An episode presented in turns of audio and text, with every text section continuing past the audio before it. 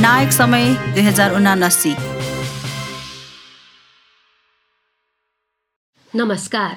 निर्णायक समय दुई हजार उनासीको पर्खाइमा बस्नुभएका तपाईँ सम्पूर्ण श्रोता तथा दर्शकहरूमा म कार्यक्रम सञ्चालिका नेहा शर्माको हार्दिक स्वागत तथा न्यानो अभिवादन। पोडकास्ट निर्णायक समय दुई हजार उनासी तपाईँ सामाजिक सञ्जाल Facebook Twitter YouTube SoundCloud Spotify र एप्पल पोडकास्ट मार्फत सातै प्रदेशबाट हेर्न अनि सुन्न सक्नुहुन्छ। यो पोडकास्टको मुख्य उद्देश्य नेपाली जनताले मुख्य नीतिगत विषयमा राखेका प्रश्नहरूमा विभिन्न राजनैतिक दलका नेतृत्वहरूसँग बहस गर्नु रहेको छ।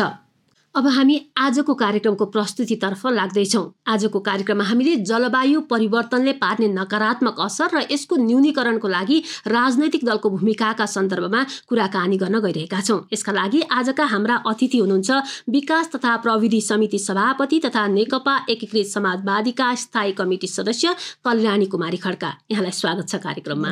हजुर यो कार्यक्रममा हामीले सुरुवातमा विभिन्न जिल्लाहरूबाट आएका हाम्रा दर्शक तथा श्रोताहरूले राख्नु भएको जिज्ञासा तथा प्रश्नहरूबाट कार्यक्रमको सुरुवात गर्छौँ। नमस्कार म विजय बली घर चाहिँ रौतहर जिल्ला माझावडा नगरपालिका वार्ड नम्बर पाँच। म अहिले दलित समुदायमा कार्य गर्दैछु अभियन्ता रूपमा। र साथसाथै म अहिले विशेष कुरो यो दलितको समस्या बारेमा केही भन्न गइरहेछु। अहिले पनि दलित समुदायमा ए गोइठावालालाई पनि खाना बनाइरहेको छु। बनाएर खाना लगाइरहेका छन् धेरै अहिले पनि धेरै हजुर दलित समुदायको एउटा प्रतिनिधि पात्रको रूपमा रौतहटबाट एकजनाले प्रश्न गर्नु भएको छ कि हामीले जलवायु परिवर्तनको असरलाई हेर्दाखेरि अहिले पनि दलित समुदायले गुइठाको प्रयोग गर्न चाहिँ बाध्य छन्। यो खालको अवस्था छ र रिसर्चले पनि अनुसन्धानहरूले के देखाउँछ भने जलवायु परिवर्तनले चाहिँ धेरै नै नकारात्मक असर पारिराखेको छ र यो अविकसित मुलुकहरू धेरै प्रभावित छन् यसबाट। के छ यसको असरलाई कम गर्न राजनैतिक दलको भूमिका चाहिँ कस्तो हुनु पर्ला? होइन अब एकदमै यो जलवायु परिवर्तनको कुरा तपाईँले गर्नुभयो यो वास्तवमा असाध्यै छिटो छिटो चाहिँ परिवर्तन भइरहेको अवस्था छ। हेर्नुहोस् के छ भने हाम्रो मानवले यति धेरै प्राकृतिक स्रोत र प्राकृतिक चाहिँ साधनलाई यति धेरै दोहन गर्यो कि त्यसले गर्दाखेरि प्राकृतिक दोहन के अरे प्राकृतिक दोहनका कारणले गर्दाखेरि स्रोतको दोहनको कारणले गर्दा अतिक्रमण यति भएको छ कि त्यसले गर्दाखेरि जलवायु परिवर्तन हुने कुरामा चाहिँ अब हामी अब धेरै चाहिँ अब अनौठो मान्दिनँ। किनभने हिजोका दिनमा जहाँ जङ्गल थियो जहाँ हरिया हरियाली थियो त्योसँग चाहिँ अब पानीको मुहान थियो अब बिस बिस्तार बिस्तार त्यो हरियालीहरू विकास निर्माणका कामहरू पनि कस्तो भयो भने व्यवस्थित ढङ्गले नगर्ने र त्यो चाहिँ प्रकृतिलाई अलिकति सुरक्षित राखेर होइन वातावरण बिग्रेला भन्ने हिसाबले पनि विकास निर्माण भइरहेको अवस्था छैन। त्यसो भएको हुनाले पनि यो जलवायु परिवर्तनको मूल कुरा भनेको चाहिँ प्राकृतिक स्रोतको जुन खालको अतिक्रमण छ त्यो नै मूल कुरा हो। र अहिलेसम्म गुइठा बाल्ने कुरा जहाँ गर्नुभयो त्यो चाहिँ के हो भने नि अब हाम्रो एउटा त गरिबीको कुरा पनि हो। त गरिबी सँगसँगै तपाईँको अब चेतनाको कुरा पनि हो। जब मान्छे चेतना चेतनशील हुन्छ त्यति बेला अहिले यति बेला हाम्रो चाहिँ देशमा के छ भने हिजोसम्म हामीलाई विद्युतको अभाव थियो। खास गरेर तपाईँ हामीलाई थाहा छ अठार अठार घन्टा पनि विद्युत लोड सेडिङ हुन्थ्यो र दुर्गम ठाउँहरूमा विद्युत नपुगिरहेको अवस्था पनि थियो। तर अहिले त्यस्तो छैन हामीसँग। हामी कहाँ अब धेरै हदसम्म विद्युतको चाहिँ पहुँच भइसकेको छ र त्यसरी लोड सेडिङको अवस्था पनि छैन। तर हामी मूल कुरा भनेको चेतना नभएकै कारणले पनि यो गुइठा बाल्ने कुरा अब त गुइठा धेरै महँगो भइसक्यो हो। गुइठा बाल्नु भनेको त यो त हिजो जसरी हामीलाई विद्युतको पहुँच थिएन अब त्यो गुइठा भनेको धेरै परको कुरा हुन थालिसक्यो किनभने हामीसँग गाईबस्तु पाल्ने कुरा होइन चाहिँ अब जीव जन्तुहरू घरेलु जनावरहरू पाल्ने कुरै घटिसक्यो। त्यसले गर्दाखेरि गुइठा उत्पादन गर्ने कुरा पनि धेरै भनौँ मल चाहिएको छ बिउ चाहिएको होइन मल चाहिएको छ। अब हामी खाद मलको तपाईँलाई थाहा छ यस्तो हाहाकार छ। र हामीलाई सायद मलाई लाग्छ त्यो गोबर मलको उपलब्धता ज्यादा थियो भने एकातिर प्रदूषणमा पनि वायु जलवायु परिवर्तनमा पनि कम हुन्थ्यो होला होइन? तर त्यस्तो नभइकन अब अहिले चाहिँ हामी अब अलिअलि भएको पनि अब घरेलु जनावर पाल्ने कम्पनी कम हुन थालिसक्यो। अब अलिअलि भएको पनि गुइठा बाल्न थालिसकेपछि त हाम्रो चाहिँ प्रदूषणको कुरा त यो चाहिँ अझ बढ्ने भयो र जलवायु परिवर्तनको चाहिँ समस्या सिर्जना बढी देखिन्छ। र यसलाई न्यूनीकरणको गर्नका निम्ति अब राजनीतिक पार्टीहरूको राजनीतिक एजेन्डा त छँदैछ। अनि अर्को एउटा हाम्रो अहिले मूल पाटो भनेको आर्थिक एजेन्डा पनि हो आर्थिक विकासको एजेन्डा हो।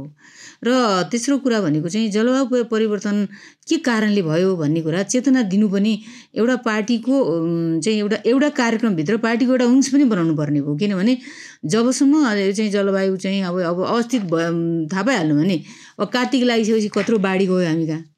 होइन? थुप्रै चाहिँ त्यस्ता हिमाली जिल्लाहरू पहाडी जिल्लाहरूमा पहिरो गएर हाहाकार भयो बाटो बन्द भयो सारा कुरा भयो। यसले गर्दाखेरि स्वाभाविक हो नि जल परि जलवायु परिवर्तन हुनु। त्यस कारणले गर्दाखेरि त्यसको असरले गर्दा जलवायु जलवायुको परिवर्तन हाम्रो प्रकृतिको प्राकृतिक अतिक्रम त्यसपछि चेतनाको कमी भइसकेपछि त जलवायु परिवर्तनको कारणले गर्दाखेरि बाढी पहिरो जाने त्यसपछि विभिन्न खालका प्रदूषणहरू हुने त्यसको असर हामी सबै जीवजन्तु भनौँ न मान्छेको मात्रै के कुरा गर्नु र सम्पूर्ण जीवजन्तुलाई चाहिँ असर पारेको छ। यसलाई चाहिँ एउटा चाहिँ पार्टीले वास्तवमा महत्त्वपूर्ण कामको एउटा चाहिँ पाटो बनाएर अगाडि बढाउनुपर्छ सचेतनाको हिसाबले त राजनैतिक दलहरूले एउटा पार्टीको एजेन्डाकै रूपमा अगाडि बढाउनु पर्छ भन्ने एउटा महत्त्वपूर्ण कुरा यहाँले गर्नु गर्नु भएको छ होइन? यो सँगसँगै अघि पनि यहाँले भन्नुभयो जुन प्राकृतिक दोहनका कुराहरू अतिक्रमणका कुराहरू स्थानीय जनताहरूले चाहिँ कस्तो छ भने जलवायु परिवर्तन अलिकति प्राविधिक जस्तो अलिकति नसुनिएको विषय जस्तो र यसले कसरी असर पार्न सक्छ भन्ने कुरा स्थानीय तहमा नबुझेको हुनसक्छ। दलहरूले जनचेतनाको सन्दर्भमा कुरा गर्दाखेरि कुन खालको अभियान सञ्चालन गरेर त्यो लोकल लेभलमा चाहिँ यसको चेतना पुर्याउन सकिएला? अब हेर्नुहोस् के छ भने आफ्नो पार्टीको विस्तार गर्नका निम्ति हामी हरेक जिल्लामा भनौँ न दलहरू हरेक जिल्लामा जान्छन् होइन? सतहत्तरै जिल्लामा पुगेको छ र सतहत्तर जिल्लाका सम्पूर्ण स्थानीय तहमा पुगेको छ प्रदेश स्तरमा पुगेको छ त्यसै गरेर तपाईँको मलाई लाग्छ अहिले टोल टोलमा कमिटीहरू निर्माण भइरहेका छन्। टोल टोलमा चाहिँ मान्छेहरूलाई सङ्गठित बनाउने काम भइरहेको छ। जसरी हामी सङ्गठन बलियो बनाउँदै जान्छौँ त्यसरी त्यो सङ्गठनमा पुगिरहँदा त्यो छुट्टै अभियान लानुपर्ने आवश्यकता पनि छैन। त्यसै सँगसँगै एजेन्डा बनाइदियो भने त्यो तलसम्म पुग्न सक्छ हेर्नुहोस्। किनभने व्यक्ति व्यक्तिलाई हामी सचेत गराएका छौँ। जब हामी चुनावमा जान्छौँ त्यति बेला हरेक व्यक्तिका घर घरमा होइन व्यक्ति व्यक्तिलाई गएर नमस्ते गर्छौँ हामी भोट दिनुहोस् भन्छौँ। होइन त्यो जति हामी त्यसरी महत्त्व त्यसलाई दिइरहेका छौँ। यो पार्टी पनि त्यत्तिकै महत्त्वका साथ हामीले छुट्टै अभियान सञ्चालन गर्नुपर्ने छैन। पार्टी सञ्चालनमै हामीले एकैचोटि लान सक्यौँ भने एउटा मुद्दाको रूपमा हामीले राख्न सक्यौँ भने त्यसलाई सहजै रूपमा हामी चेतना पुर्याउन सक्छौँ। तर हामी पार्टीको उद्देश्य के हुँदो रहेछ भने सङ्गठित गर्नु आफ्नो पार्टीलाई बलियो बनाउनु त्यसपछि आफूले चाहिँ निर्वाचनमा आफूलाई रिजल्टमा बलियो बनाउनु आफ्नो प्रतिनिधिहरू बढी चाहिँ बढीभन्दा बढी चाहिँ प्रतिनिधिहरू उत्पादन गर्नु होइन? त्यो त्यतातिर फोकस हुन्छ। तर त्यसलाई पनि एउटा सानो पार्टको रूपमा लिएर गयो भने त्यो पक्कै पनि तलसम्म जान्छ र त्यसले पनि मान्छेको स्वास्थ्यमा मूल कुरा त मान्छेको स्वास्थ्य सँगसँगै हरेक जीवको स्वास्थ्य स्वस्थ भयो भने अहिले कस्तो हुँदो रहेछ भने मान्छे र हरेक जीव जन्तुहरूसँग चाहिँ हाम्रो स्वास्थ्यसँग रिलेटेड छौँ हामी। होइन? त्यो रिलेटेड छौँ त्यस कारणले गर्दाखेरि कतिपय यस्ता विषालु चिजहरू हामीलाई चाहिँ देख्ने बित्तिकै हामीलाई भेट्ने बित्तिकै काट्ने होइन टोक्ने गर्छ। त्यसले त्यो विषले हामी मर्छौँ अथवा चाहिँ अरू अरू वन्यजन्तुहरू मर्छन्। तर त्यत्तिकै महत्त्व उसले दिइरहेको हुन्छ कि ताकि उनीहरूलाई सुरक्षित गरेन भने हाम्रो स्वास्थ्यलाई असर पर्छ। त्यसो भएको हुनाले अब सबैभन्दा ठुलो कुरा भनेको त एउटा जीव जन्तुको कुरा त भइहाल्यो। अर्कोतिर रुख बिरुवाहरू जुन ढङ्गले हरियाली हामीले चाहिँ लाई जोगाउन सक्छौँ अब यो चाहिँ विकासको मोडललाई पनि परिवर्तन गर्नु जरुरी छ। यो पनि पार्टीको एउटा राजनीतिक दलहरूको एउटा एजेन्डा हुनुपर्छ। हामीले विकास गर्दाखेरि प्राकृतिक चाहिँ स्रोत साधनलाई हामीले कसरी समुचित रूपमा चाहिँ उपयोग गर्ने गरी हामी विकास निर्माणका सर सुविधाका कुराहरू हामी लान सक्छौँ। त्यो हिसाबले सोच्नुपर्छ। सोच्नुपर्छ हरेक राजनैतिक दलहरूले। हजुर हामी फेरि पनि अर्को प्रश्नतिर लाग्दैछौँ।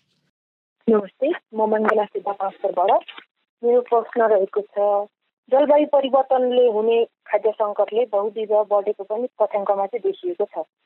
बहुविवाह कम गर भनेर नीति ल्याएर मात्र हुन्छ। रोजगार केही छैन रोजगारको अवसर कहीँ पनि देखिएको छैन। यसलाई चाहिँ कसरी हेर्नु भएको छ हाम्रो राजनीतिक दलहरूलाई? धन्यवाद।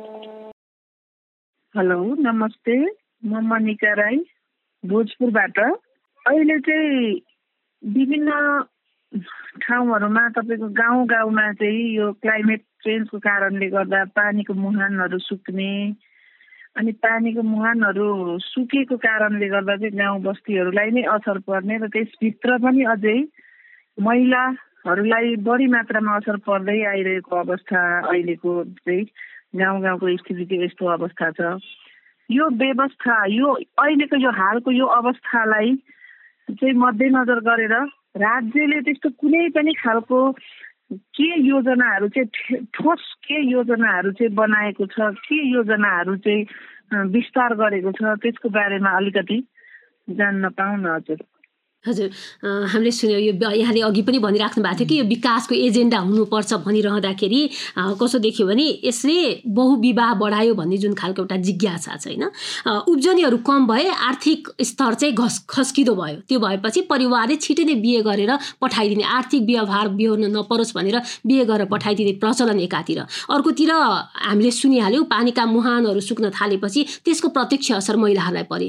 नेपालमा अहिले पनि असी प्रतिशत महिलाहरू चाहिँ कृषिमा आश्रित हुनुहुन्छ कृषिमा सहभागी हुनुहुन्छ भनेपछि यो अवस्थामा यसलाई चाहिँ मूल एजेन्डाको रूपमा महिलाकोलाई चाहिँ कसरी कसरी यसको असरलाई कम गर्न सकिन्छ भनेर राजनैतिक दलले कुन खालको एजेन्डा बनाएर अगाडि बढ्दाखेरि भोलिका दिनमा यहाँले भने जस्तो यो विकासको एजेन्डा बन्न सक्ला? धन्यवाद। अब यो कस्तो छ भने नि मैले अघि पनि भने यो जलवायु परिवर्तनको जुन कुरा छ हरेक हाम्रा क्रियाकलापहरू दैनिक हामीले सञ्चालन गर्ने क्रियाकलापहरू गतिविधिहरूसँग जोडिएको हुन्छ। यस अर्थ पहिलो मूल कुरा भनेको त हामीले चाहिँ यो प्राकृतिक हाम्रा चाहिँ पुँजीहरू छन् नि।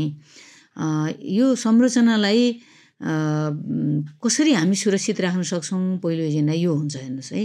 तर हाम्रो विकास निर्माणको उहाँले भने जस्तो विकास निर्माणको यो मुहान किन सुक्छ? मुहान सुकिसकेपछि अब विभिन्न हाम्रा विकासका कुरा जहाँ जहाँ चाहिँ मुहान छन् तिनलाई संरक्षण गर्नुपर्ने ठाउँमा हामीले त्यहाँ बस्ती पुऱ्याएका छौँ बाटो खनिरहेका छौँ र जहाँ जहाँबाट तपाईँ हामीले जहाँ भनौँ त्यहीँ पानी उम्रिने कुरा त हुँदैन। जहाँ पानीको स्रोत हुन्छ त्यो ठाउँलाई सुरक्षित गर्नका निम्ति म आज यो चाहिँ विकास समितिको सभापति भएको हैसियतले पनि मैले के भनेको छु भने यो समितिले निर्देशन गरेको छ सरकारलाई कि मुहानको संरक्षण पहिलो कुरा तिमी धारो बनाउने अथवा चाहिँ पानी ट्याङ्की बनाइदिने अथवा चाहिँ कुलो बहिनी बनाइदिने यस्ता कुराहरू मात्रै त्यहाँ गरेर हुँदैन। जुन ठाउँमा तपाईँ हामी मुहान संरक्षण गर्न सक्दैनौँ त्यो मुहान त हिजोको आज सुक्न थालिराखेको छ। त्यस कारण पहिलो काम हामीले चाहिँ मुहान संरक्षण गर्नु पऱ्यो त्यो संरक्षणका लागि त्यहाँका रुख बिरुवाहरू जतन गर्नु पऱ्यो त्यहाँ गाईबस्तुहरू जान दिनु भएन मानव बस्ती बसाउनु भएन अनि मात्रै तपाईँ त्यसको संरक्षण गर्न सक्नुहुन्छ। त्यस कारण हामीले यो चाहिँ सरकारलाई निर्देशन पनि गरेका छौँ। र विकास निर्माणको काम गर्दाखेरि यसो हेरिन्छ। जस्तै हामीले चुरेको जुन बिचबाट हामी भन्छौँ नि तराईलाई सिन्चित गर्नको निम्ति चुरे भावर नै सबैभन्दा महत्त्वपूर्ण हो पानीको स्रोतको लागि हामी भनिरहेका छौँ। तर हामीले त्यही चुरेलाई चिरेर हामी अहिले मेन रोड बनाइराखेको अवस्था छ। जबसम्म हामी प्राकृतिकको जुन बहाव छ पानीको बहाव छ अथवा चाहिँ प्राकृतिक स्रोतहरू छन् तिनलाई हामी हरेक चिजको पानीको मात्रै होइन। कहीँ सालै साल उम्रेको होला त्यसको सुरक्षा गर्नु पऱ्यो अरू कुनै चिजको हाम्रो हामीलाई चाहिने जडीबुटीहरू छन् महत्त्वपूर्ण जडीबुटीहरू छन् त्यसको एरियालाई सुरक्षित गर्नु पऱ्यो त्यसै गरेर अहिले अब खाद्यान्न घट्यो र हाम्रो चाहिँ आर्थिक सङ्कट बढ्यो। त्यस हुनाले चाहिँ महिलाहरूको चाहिँ भनौँ अब ला बाल विवाहको कुरा गर्नु उठाउनु भयो होइन? अनि यो किन भयो भन्दाखेरि अब हामीलाई अब आर्थिक व्यवहार बढ्यो अनि चाँडै बिहा गरिदियो। आखिर त्यो बिहा गरेर जाने घरमा पनि त त्यो बच्चा त एकैचोटि गएर तपाईँको नाबालक बिहा गरिदिएपछि त्यहाँ गएर बाली हुने त होइन। होइन? अझ अप्ठ्यारो हुन्छ। अझ समस्या हुन्छ।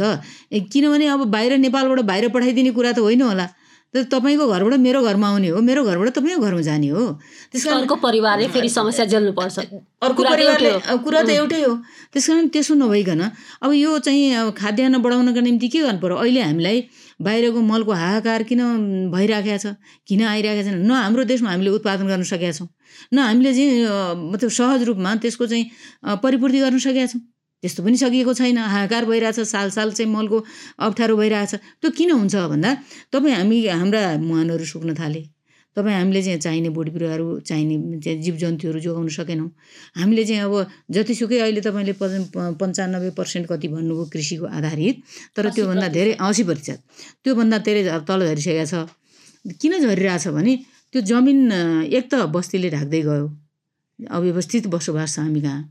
र अर्को कुरा के छ भने हामी रुख बिरुवा अथवा चाहिँ आजको आज अहिलेको अहिले हामीलाई चाहिँ हिजो पनि त त्यही अनाज त्यही खाद्यान्न हामीले चाहिँ त्यही गोबर मलले पुर्याउँथ्यौँ। आज गाईबस्तु पाल्न छोड्यौँ र हामीलाई अहिलेको अहिले यहाँ चाहिँ युरिया हाल्यो यहाँ कम्प्लेक्स के के हाल्यो के के हाल्यो अनि भिटामिन हालेर छिटोभन्दा छिटो बढाउने आम्दानी छिटो लगाउने यो त एउटा चाहिँ जनसङ्ख्याको वृद्धिको कुरा पनि हो। त्यसै भएको हुनाले सबैभन्दा ठुलो कुरा भन्ने हामीले अहिले कसै त ठुल्ठुलो सडकहरू बन्ने ठाउँमा पनि हामीले त्यहाँनिर चाहिँ अब उचित त्यहाँ केही वातावरण हेरेका छैनौँ वातावरणको मूल्याङ्कन गरेका छैनौँ। नगरिकन हाम्रो चाहिँ के छ भने अब यो मेरो पहुँच छ यति बेला। मेरो पहुँच हुने बित्तिकै मेरो क्षेत्रमा मलाई त्यो विकास निर्माणको आवश्यकता नभए पनि अथवा जे भए पनि आवश्यकता छ छैन थाहा छैन तर मेरो पहुँच भएको हुनाले मैले "ए, तिमीलाई पुल ल्याइदिएँ ए तिमीलाई बाटो ल्याइदिएँ। होइन? त्यसो भन्नुपर्ने। अनि त्यसपछि त्यहाँ त्यो फिल्डमा उपयुक्त बस्ती छ कि जङ्गल छ कि काटिने हो कि अथवा चाहिँ के आवश्यक कति छ त्यो सडक बनाइसकेपछि त्यो सडकले लिने दिने लाभ कति हो त्यो पनि हेर्नुपर्छ। सेवा पनि ठुलो कुरा हो। तर सेवा सँगसँगै के हुन्छ त्यसले लाभ फाइदा पनि दिनु पऱ्यो नि फाइदा दिएपछि आर्थिक उन्नतिको कुरा हुन्छ। आर्थिक उन्नति तपाईँले लगानी गरेको चाहिँ आर्थिक उन्नति मान्छेले सेवा नपाउने खालको स्थिति छ भने त्यसलाई अर्कोतिर हामीले डाइभर्ट गर्नुपर्छ।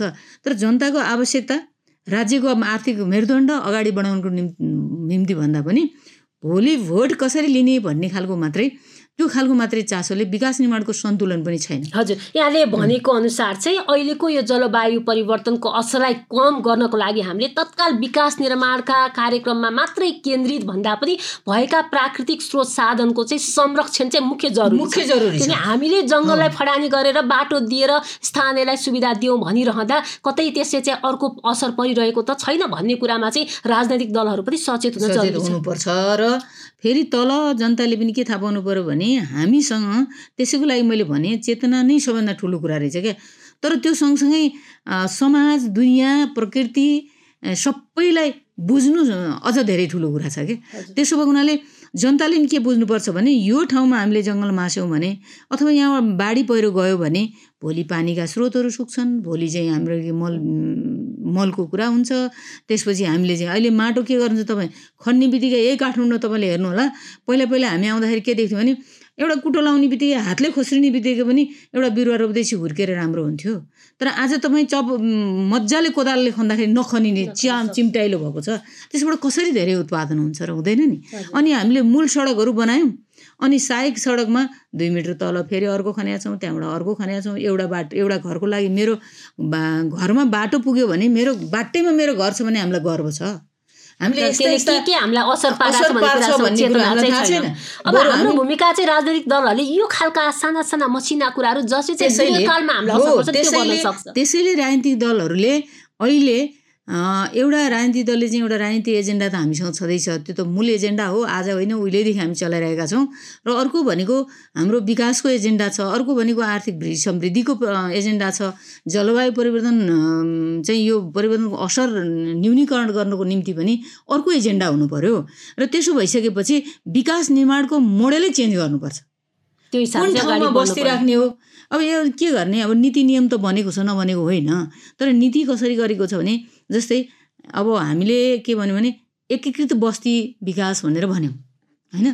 तर एकीकृत बस्ती विकास भनेका छौँ त्यो त्यो चाहिँ का कापी किताबमा मात्रै कागजमा मात्रै सीमित रहने स्थिति बन्यो।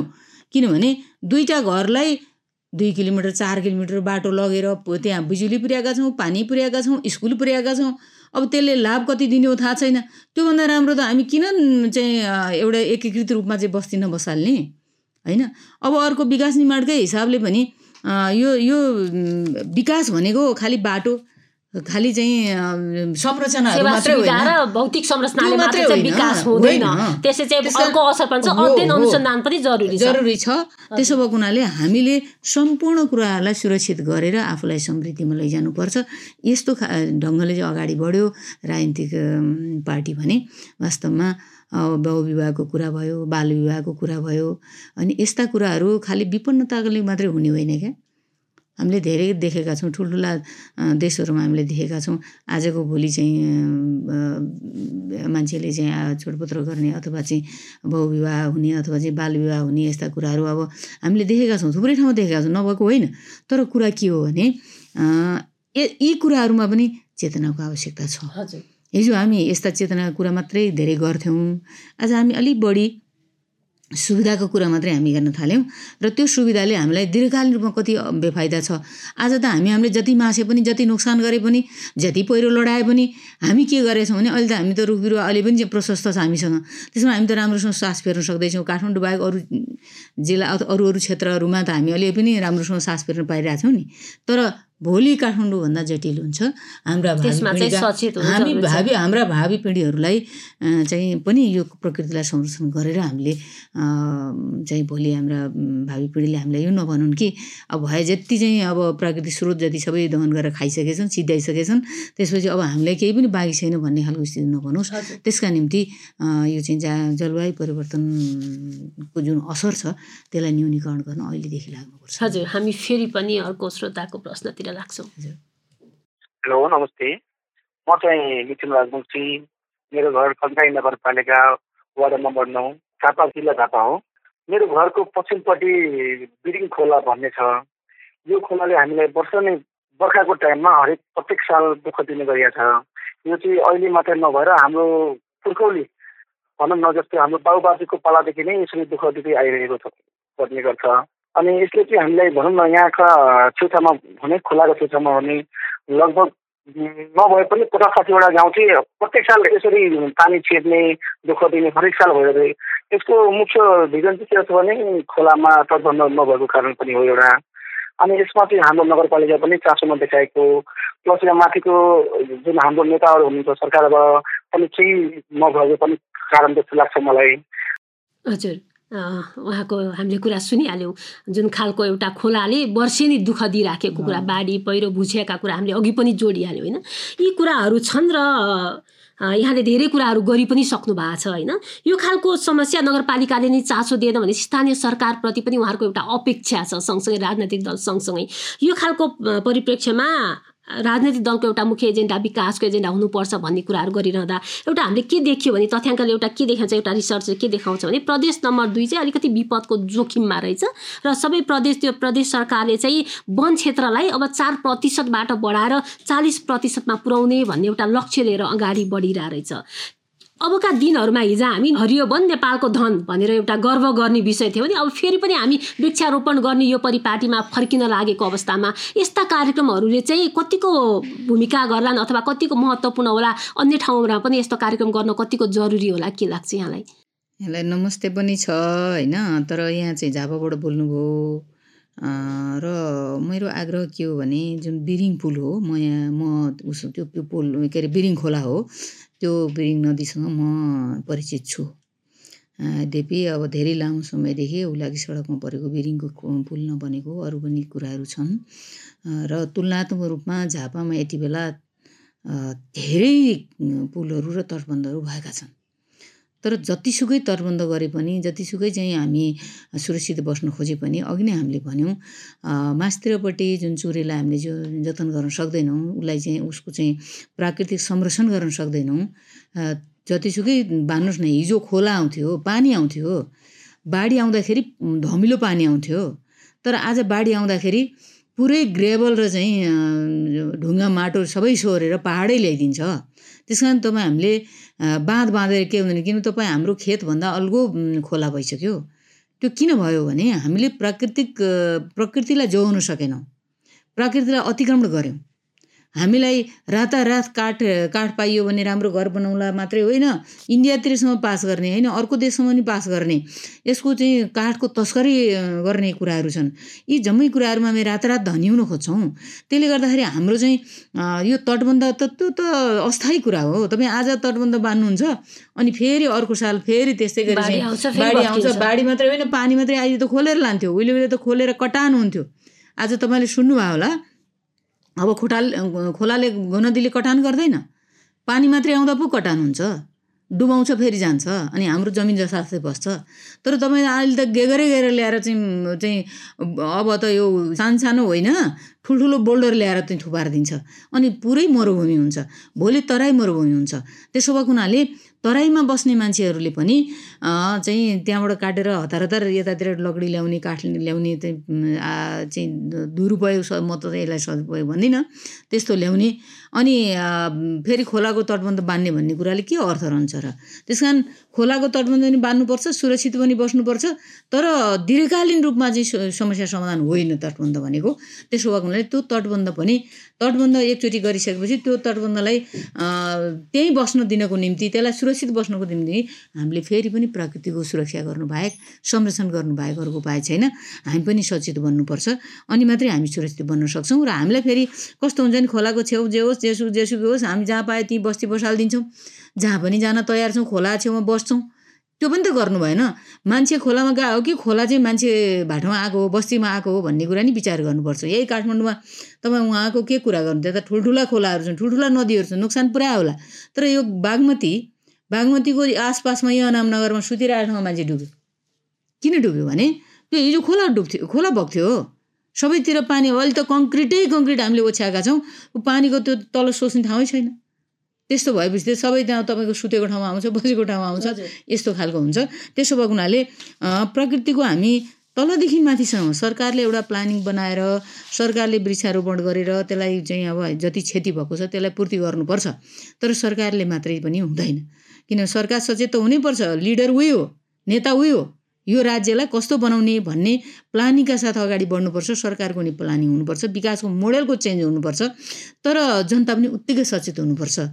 ताकि चाहिँ हामीले सुरक्षित बस्न सकियोस्। कस्तो छ भने हामीले यति कुराहरू गरिरहँदा जलवायु परिवर्तनले कहाँ कहाँ कति असर पर्यो र यसले आन्तरिक विस्थापन कति गरायो मानिसहरूको भन्ने कुराको एकिन तथ्याङ्क चाहिँ हामीसँग छैन तर पनि हामीले असरहरू हेर्दाखेरि अहिले दिनानुदिन यो चाहिँ बढिराखेको विभिन्न कारणबाट बढिराखेको देखिन्छ होइन? अघि पनि हामीले कुरो कुरा गरिहाल्यौँ पानीको मुहान सुक्नेदेखि लिएर बाल विवाहदेखि लिएर महिलाहरूमाथि हुने हिंसा पनि यसले बढाएको छ।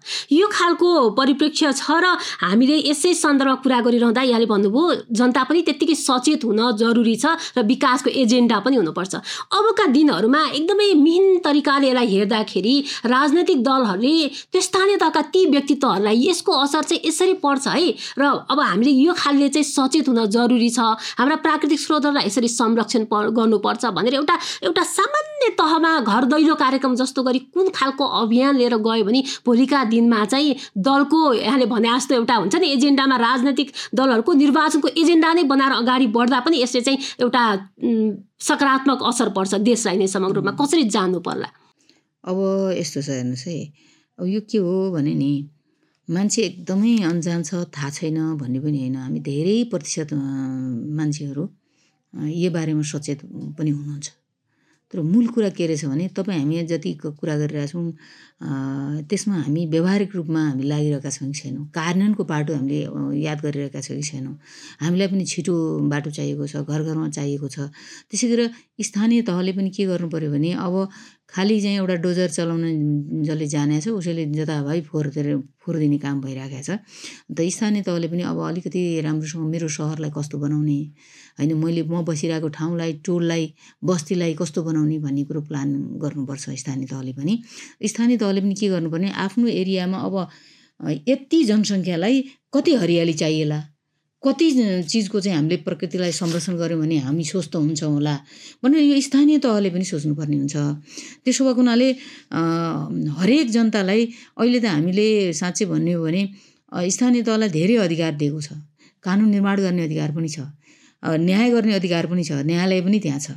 त्यसो भएको हुनाले स्थानीय तहले वास्तवमा घर घरमा हिजो हामीले भन्यौँ कि एकात्मक सरकार हुँदाखेरि चाहिँ सेवा सुविधा जनताका चाहिँ आवाजहरूलाई सम्बोधन गर्नका निम्ति समस्या सम्बोधन गर्नका निम्ति पुगेन भनेर हामीले सङ्घीय संरचनाको चाहिँ माध्यमबाट अब हामीले चाहिँ सङ्घीय संरचना स्थापना गऱ्यौँ अब सङ्घीय संरचनामा स्थानीय तह प्रदेश अब आफ्नो एरियालाई आफ्नो जनसङ्ख्या जति छ तिनलाई स्वस्थ राख्नका निम्ति तिनलाई यी सबै विकृतिबाट चाहिँ चाहिँ पर राख्नका निम्ति त्यसलाई जोगाउनका निम्ति सबैले चाहिँ त्यो त्यो हिसाबले सोच्नु पऱ्यो त्यो हिसाबले प्लानिङ गर्नु पऱ्यो त्यो प्लानिङका निम्ति चाहे त्यो सङ्घको आवश्यकता होला सङ्घले पनि निर्देश निर्- निर्देशन गर्नुपर्छ।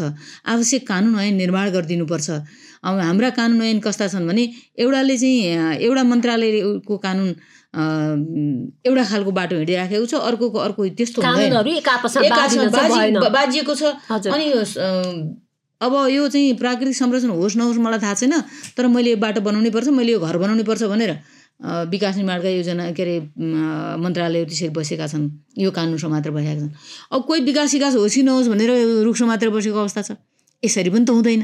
त्यसो भएको हुनाले आफू आफ्नो एरिया सुरक्षित गर्नको निम्ति तलैबाट लाग्नुपर्छ। केन्द्रीय नेतृत्वले नीति दिनु पर्यो ऐन बनाइदिनु पर्यो ऐनले नीतिले निर्देशनले गाइड गर्नु पर्यो र तलको कार्यान्वयन गर्ने स्थानीय तहले त्यसलाई चाहिँ कार्यान्वयन तहमा पुर्याउनु पर्यो र कार्यान्वयन गर्नु पर्यो।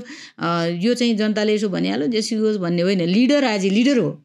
लिडरले के गर्नुपर्छ भने जे ठिक देख्छ एक्लै भए पनि ओकालत गरिरहनु पर्यो नि। ओकालत गरिरहनु पर्यो उठाइराख्नु पर्यो। सत्य आखिर एक दिन त त्यो प्रमा- प्रमाणित हुन्छ। जुन चिज सत्य छ तपाईँ किनेर पाउनुहुन्छ र पाउनुहुन्न नि।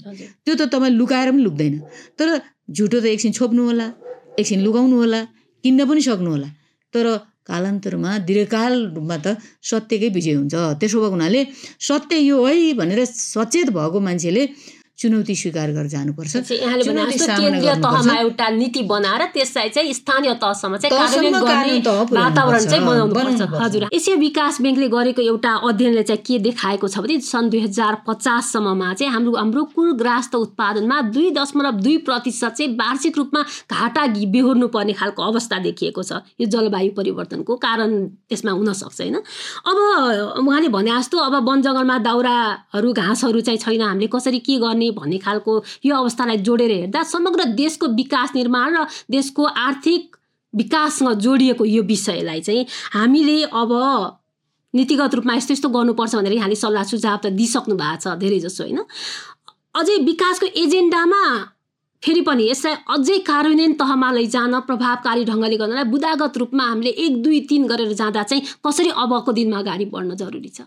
दलको भूमिका चाहिँ मैले अघि पनि भने दलले के गर्नु पर्यो भने आफ्ना एजेन्डाहरू राजनीतिक एजेन्डा आर्थिक एजेन्डा लै लगिरहँदा प्राकृतिक संरक्षण अथवा चाहिँ जलवायु परिवर्तनको न्यूनीकरण गर्ने जुन एजेन्डा हो त्यो पनि लानु पर्यो र हरेक ठाउँमा पुर्याउनु पर्यो। जसरी हामी कुनै पनि का जनतालाई आफ्नो पार्टीप्रति आकर्षित गरेर जसरी पार्टीमा प्रवेश गराउँछौँ त्यसै गरी यो जलवायु परिवर्तनले यस्तो समस्या हुन्छ है यस्तो असर गर्छ है भन्ने हिसाबले हामीले त्यसलाई पनि त्यसरी चाहिँ उहाँहरूलाई परिवर्तन गराउन पहिलो एजेन्डा हामीले त्यो बनाउनु पर्यो अगाडि बढ्नुपर्छ। र दोस्रो कुरा विकासको मोडेल परिवर्तन गर्नुपर्छ। बुका विकासको मोडेल जथाभावी गर्ने होइन। हाम्रो प्लानिङ पाँच वर्षमा हामीले हाम्रो राज्यलाई प्राकृतिक संरक्षण गर्दै यतिसम्म पुर्याउँछौँ। दस वर्षमा हाम्रो राज्य यस्तो हुन्छ पन्ध्र वर्षमा यस्तो हुन्छ भन्ने एउटा चाहिँ क्लियर भिजन राखेर एउटा विकासको मोडेलमै परिवर्तन गर्नुपर्छ। दोस्रो कुरा यो भयो। तेस्रो कुरा आर्थिक उत्पादनको हिसाबलाई लिएर हामीले जथाभावी अहिले हेर्नु भएको छ तपाईँले अब यो हुलाकी सडक दुई चार किलोमिटर तल हुलाकी सडक छ त्यसमाथि अर्को रेल छ त्यसपछि अर्को पूर्व पश्चिम पुरानो हाइवे छ त्यसपछि मदनमाडी सडक छ त्यसपछि हामी मध्य पहाडी बनेका छौँ अर्को के भनेका छौँ यसरी हामीले चाहिँ जुन खालको चाहिँ विकास निर्माणको काम गऱ्यौँ भने ठिक हुन्न। त्यसले गर्दाखेरि हामीलाई सँगसँगै त्यसले के असर गरेछ भने उत्पादनमा घाटा किन भयो भने हिजो वन जङ्गल बेसरी थियो र बेसरी पात पत्करहरू कुहिन्थ्यो त्यहाँ र त्यो पात पत्करहरू मात्रै पानीले झार्थ्यो। र हामी त्यो मलिलो हुन्थ्यो र एकचोटि त्यो बाढी आएको पानी खेतमा लाउन पायो भने उत्पादन बढ्छ भन्थ्यौँ। तर आज त्यस्तो छैन। आज त त्यो पात पर्क रुख भयो पो पात पर्क हुन्छ। त्यसले गर्दाखेरि ती विकासको मोडेल चेन्ज गर्नुपर्छ अनि मात्रै हामी त्यसैले त्यसलाई सिधै त्यसलाई सिधै आर्थिक उत्पादनसँग असर परेको छ। र आर्थिक उत्पादनमा अर्को एउटा पार्ट पनि के हो भने हामीले प्राकृतिक स्रोत साधन उपयोग गरेर खेतबारीमा लगाउनुपर्छ अनि सिँचाइको व्यवस्था पनि उपयोग उपयुक्त ढङ्गले गरिदिनु पर्यो। मल बिउको कुरा पनि हुनु पर्यो। अब मल पनि हामीले चाहिँ म माटो नबिगार्ने मल दिनु पर्यो नि। त्यो हामी दिन सकिरहेका छैनौँ। त्यतातिर पनि हामीले ध्यान जानुपर्छ।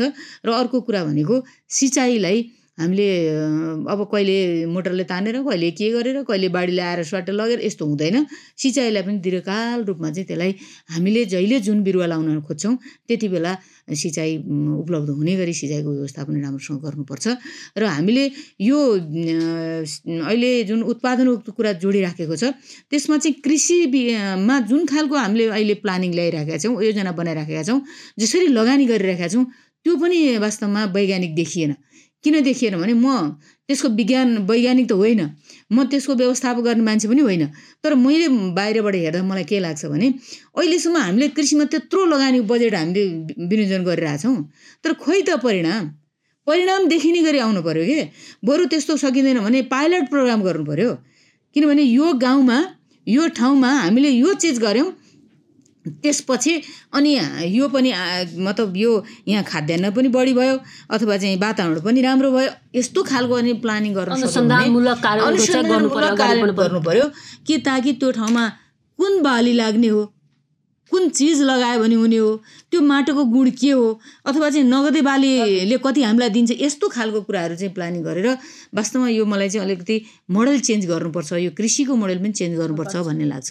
अनि मात्रै हामी अगाडि बढ्न सक्छौँ। हामीले चाहिँ जलवायु परिवर्तन कसैलाई कम गर्न सक्छौँ। यहाँले हामीलाई समय दिनुभयो र समग्र रूपमा जलवायु परिवर्तनको यो नकारात्मक असरलाई कम गर्न राजनैतिक दलहरूले कसरी भूमिका निर्वाह गर्न सक्छन् भन्ने विषयमा आफ्नो महत्त्वपूर्ण भनाइ राखिदिनु भयो म यहाँलाई धेरै धेरै धन्यवाद धन्यवाद यहाँलाई पनि। आजको कार्यक्रमको निर्धारित समय पनि सकिने लागेको छ। राजनैतिक दल र जनताबीच घनिष्ठ सम्बन्ध स्थापित गर्ने लक्ष्यले यो पोडकास्ट सामाजिक सञ्जाल मार्फत प्रसारण गरिएको हो। निर्णायक समय दुई हजार उनासी चुनाव पोडकास्ट एनडिआई नेपालको आर्थिक र प्राविधिक सहयोगका साथै अमेरिकी जनताको उदार सहयोगद्वारा सञ्चालित संयुक्त राज्य अमेरिकाको अन्तर्राष्ट्रिय विकास नियोग युएसएआइडीको सहयोगका कारण सम्भव भएको हो। आजको कार्यक्रम तपाईँलाई कस्तो लाग्यो? कार्यक्रमबारे कुनै पनि सल्लाह सुझाव या प्रतिक्रिया छ भने तपाईँ हामीलाई सुन्दै गर्नुभएको सामाजिक सञ्जाल मार्फत कमेन्ट गर्न सक्नुहुन्छ। कमेन्ट गर्दा ह्यासट्याग माई भोट काउन्ट्स गर्न नभुल्नुहोला। तपाईँ हामीलाई पत्राचार फोन वा इमेल मार्फत पनि सम्पर्क गर्न सक्नुहुन्छ। त्यसको लागि हाम्रो इमेल ठेगाना रहेको छ निर्णायक समय two zero seven nine at the rate Gmail dot com अथवा टेलिफोन नम्बर सन्तानब्बे पैँतालिस तिन शून्य आठ तिन तिन नौ। कार्यक्रमको अर्को अङ्कमा हामी फरक राजनैतिक दलका नेताहरूसँगका मुख्य नीतिगत विषयबारे कुराकानी लिएर आउनेछौँ। कार्यक्रम निर्णायक समय दुई हजार उनासीको आजको अङ्कबाट सम्पूर्ण टिमसहित म नेहा पनि बिदा माग्दछु। नमस्कार। याद गर्नुहोस् तपाईँको मत मूल्यवान छ। Hashtag my vote counts.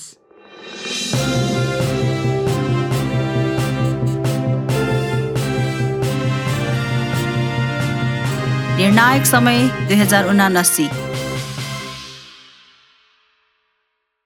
All team members are fully vaccinated and have followed COVID 19 safety protocols during the production of this podcast. The team wore face masks and maintained social distance at all times, while also limiting the number of people in the studio. यो podcast तयारी गर्ने समूहका सबै सदस्य covid नाइन्टिनको सुरक्षा protocol अन्तर्गत निर्देशित छन्। समूहका सबैले खोप लगाएका छन्। समूहमा सबैले स्टुडियोमा काम गर्दा मास्क प्रयोग गर्ने र सामाजिक दूरी अपनाएर कार्य सम्पादन गर्ने उपाय अपनाएका छन्। These election podcasts are made possible by the support of the American people through the United States Agency for International Development, USAID, under award number AID 367 LA 1700001. The contents of these election podcasts are the sole responsibility of NDI and do not necessarily reflect the views of USAID or the United States government. यो चुनाव podcast अमेरिकी अन्तर्राष्ट्रिय विकास नियोग USAID मार्फत अमेरिकी जनताको सहयोगका कारण सम्भव भएको हो। यस चुनाव पडकास्टभित्रका विषयवस्तु र सामग्री एनडिआईका एकल जिम्मेवारी हुन् र तिनले युएसएआइडी वा अमेरिकी सरकारको विचारको प्रतिबिम्बित गर्छन् भन्ने जरुरी छैन।